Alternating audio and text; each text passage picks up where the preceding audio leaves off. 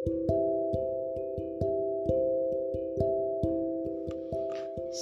umat Tuhan yang terkasih, pagi ini kembali saya menyapa saudara melalui seri renungan harian kita. Mari kita bersyukur, Bapa di surga, Bapa yang kekal, kami umatmu sangat berterima kasih atas kebaikanmu, kesetiaanmu yang selalu mengasihi dan menyertai kami sampai saat ini. Kami mau merenungkan firman-Mu, kiranya hidup kami diubahkan dan diberkati firman-Mu. Dalam nama Yesus kami berdoa. Amin. Saudara terkasih, firman Tuhan pagi ini dari kitab Yeremia pasal yang keempat. Pasal ini cukup panjang, yaitu 31 ayat. Yeremia pasal 4 ayat 1 sampai ayat 4 ini lanjutan dari Yeremia 3 ayat 14 sampai 25 yang perikopnya yang akan datang di Sion. Dan perikop yang kedua di pasal yang ke Yeremia 4 ini Yehud ayat 5 sampai 31 Yehuda mendapat ancaman dari utara. Pasal yang keempat ini Bapak Ibu kalau dibaca tentu kita bisa mengetahui bahwa kondisi umat Allah sedang dalam keadaan yang memprihatinkan. Mengapa saya katakan demikian? Ayat 1 sampai 4 saya Mari kita sama mari kita sama-sama baca Bapak Ibu. Jika engkau mau kembali hai Israel demikianlah firman Tuhan, kembalilah engkau kepadaku dan jika engkau mau menjauhkan dewa-dewamu yang mencicikan, tidak usahlah engkau melarikan diri dari hadapanku.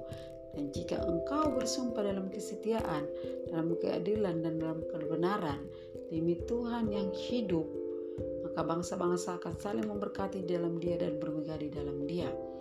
Sebab beginilah firman Tuhan kepada bangsa, kepada orang Yehuda dan kepada penduduk Yerusalem.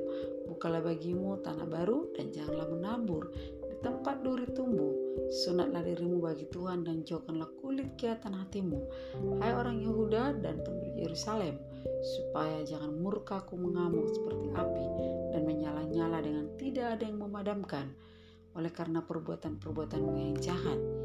Bapak Ibu, itulah kondisi Israel pada saat itu.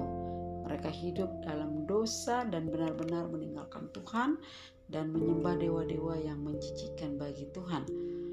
Bangsa Yehuda melakukan kejahatan, namun karena Allah kita adalah Allah yang penuh kasih dan bangsa Israel adalah bangsa pilihan Tuhan dan Tuhan menghimbau Israel untuk kembali dan mengatakan jika mau kembali kepadaku kembalilah bersumpahlah hidup dalam kesetiaan, keadilan dan kebenaran.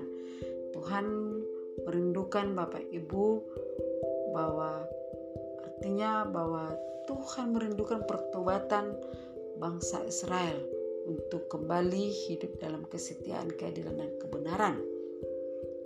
Tuhan merindukan pertobatan sebagai bangsa pilihannya, yaitu pertobatan yang sejati. Karena pertobatan sejati mendatangkan berkat bagi bangsa Yehuda dan bangsa-bangsa lain. Dan Tuhan merindukan ada penyerahan diri kepada Allah yang berdaulat dari bangsa Yehuda karena dari sanalah berkat bagi Yehuda mengalir apa yang harus dilakukan dan apa yang harus diutamakan dalam pertobatan yang sejati Bapak Ibu? Yaitu ada tindakan yang sungguh-sungguh menyesali dosa dan bersedia mengubah sikap hidup. Pertobatan merupakan perubahan total sehingga yang lama ditinggalkan yang sesungguhnya yang baru datang. Dengan demikian maka tidak mungkin ada pertobatan jika tidak ada perubahan total dalam semua aspek kehidupan. Yeremia 4 ayat 3 Tuhan memberikan gambaran yaitu tanah baru memiliki yang artinya memiliki arti hidup baru atau awal yang baru yang harus mulai dilakukan jika bangsa Yehuda tidak ingin terkena murka Allah. Artinya bangsa Yehuda dan penduduk Yerusalem harus mau berubah dan memilih mengikuti kehendak Tuhan, meninggalkan penyembahan berhala dan dan mereka harus memilih untuk melakukan kebenaran firman Allah. Ayat 4, Tuhan memberikan gambaran yang lain seperti sunat di mana Tuhan meminta mereka menyunatkan diri mereka. Dalam arti Bapak Ibu, bangsa Yehuda, Tuhan menginginkan bangsa Yehuda menguduskan diri khusus bagi Tuhan. Menguduskan diri untuk hidup bagi Tuhan dan tidak membiarkan kulit kiatan atau hal-hal yang masih ada yang hal-hal yang lama masih ada dan lengket dengan hidup mereka. Demikianlah artinya bahwa umat Tuhan harus sungguh-sungguh berbalik dan menyerahkan hidup hidup mereka untuk hidup bagi Tuhan dalam kesetiaan, kebenaran dan keadilan. Tidak lagi berpikir ataupun masih ingin memegang kehidupan lamanya dalam dosa yang berbuat yang membuat mereka jauh dari Tuhan. Demikian kita Bapak Ibu sebagai orang-orang percaya, sebagai pengikut Kristus, sebagai pengikut sebagai orang Kristen, Bapak Ibu Saudaraku, kita juga harus kalau mau diberkati oleh Tuhan, kalau mau dilindungi oleh Tuhan, diberkati seperti bangsa Yehuda, kita harus mau meninggalkan manusia lama kita. Kita harus mau menyerahkan hidup kita ini secara total kepada Tuhan. Kita harus harus menguruskan diri khusus bagi Tuhan dan harus mau dikendalikan oleh kebenaran firman Allah. Jangan lagi kembali Bapak Ibu jika kita jika kita sudah menjadi orang yang bertobat, jangan lagi kembali kepada kehidupan yang lama. Mari karena kehidupan yang lama atau dosa-dosa membuat kita jauh dari Tuhan. Karena kalau kita hidup di dalam dosa, maka berkat Allah tidak mengalir dalam hidup kita. Seperti bangsa Yehuda, jika mereka berbalik kepada Tuhan dalam kesetiaan, Tuhan akan memberkati mereka. Bahkan bangsa-bangsa akan memberkati, saling memberkati Bapak Ibu, bahkan saling dan mereka hidup dalam dan bermegah di dalam Tuhan.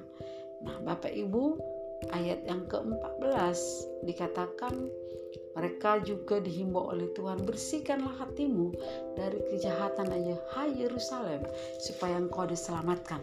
Nah, Bapak Ibu, saudaraku yang dikasih oleh Tuhan, bersihkan hati dari kejahatan supaya diselamatkan.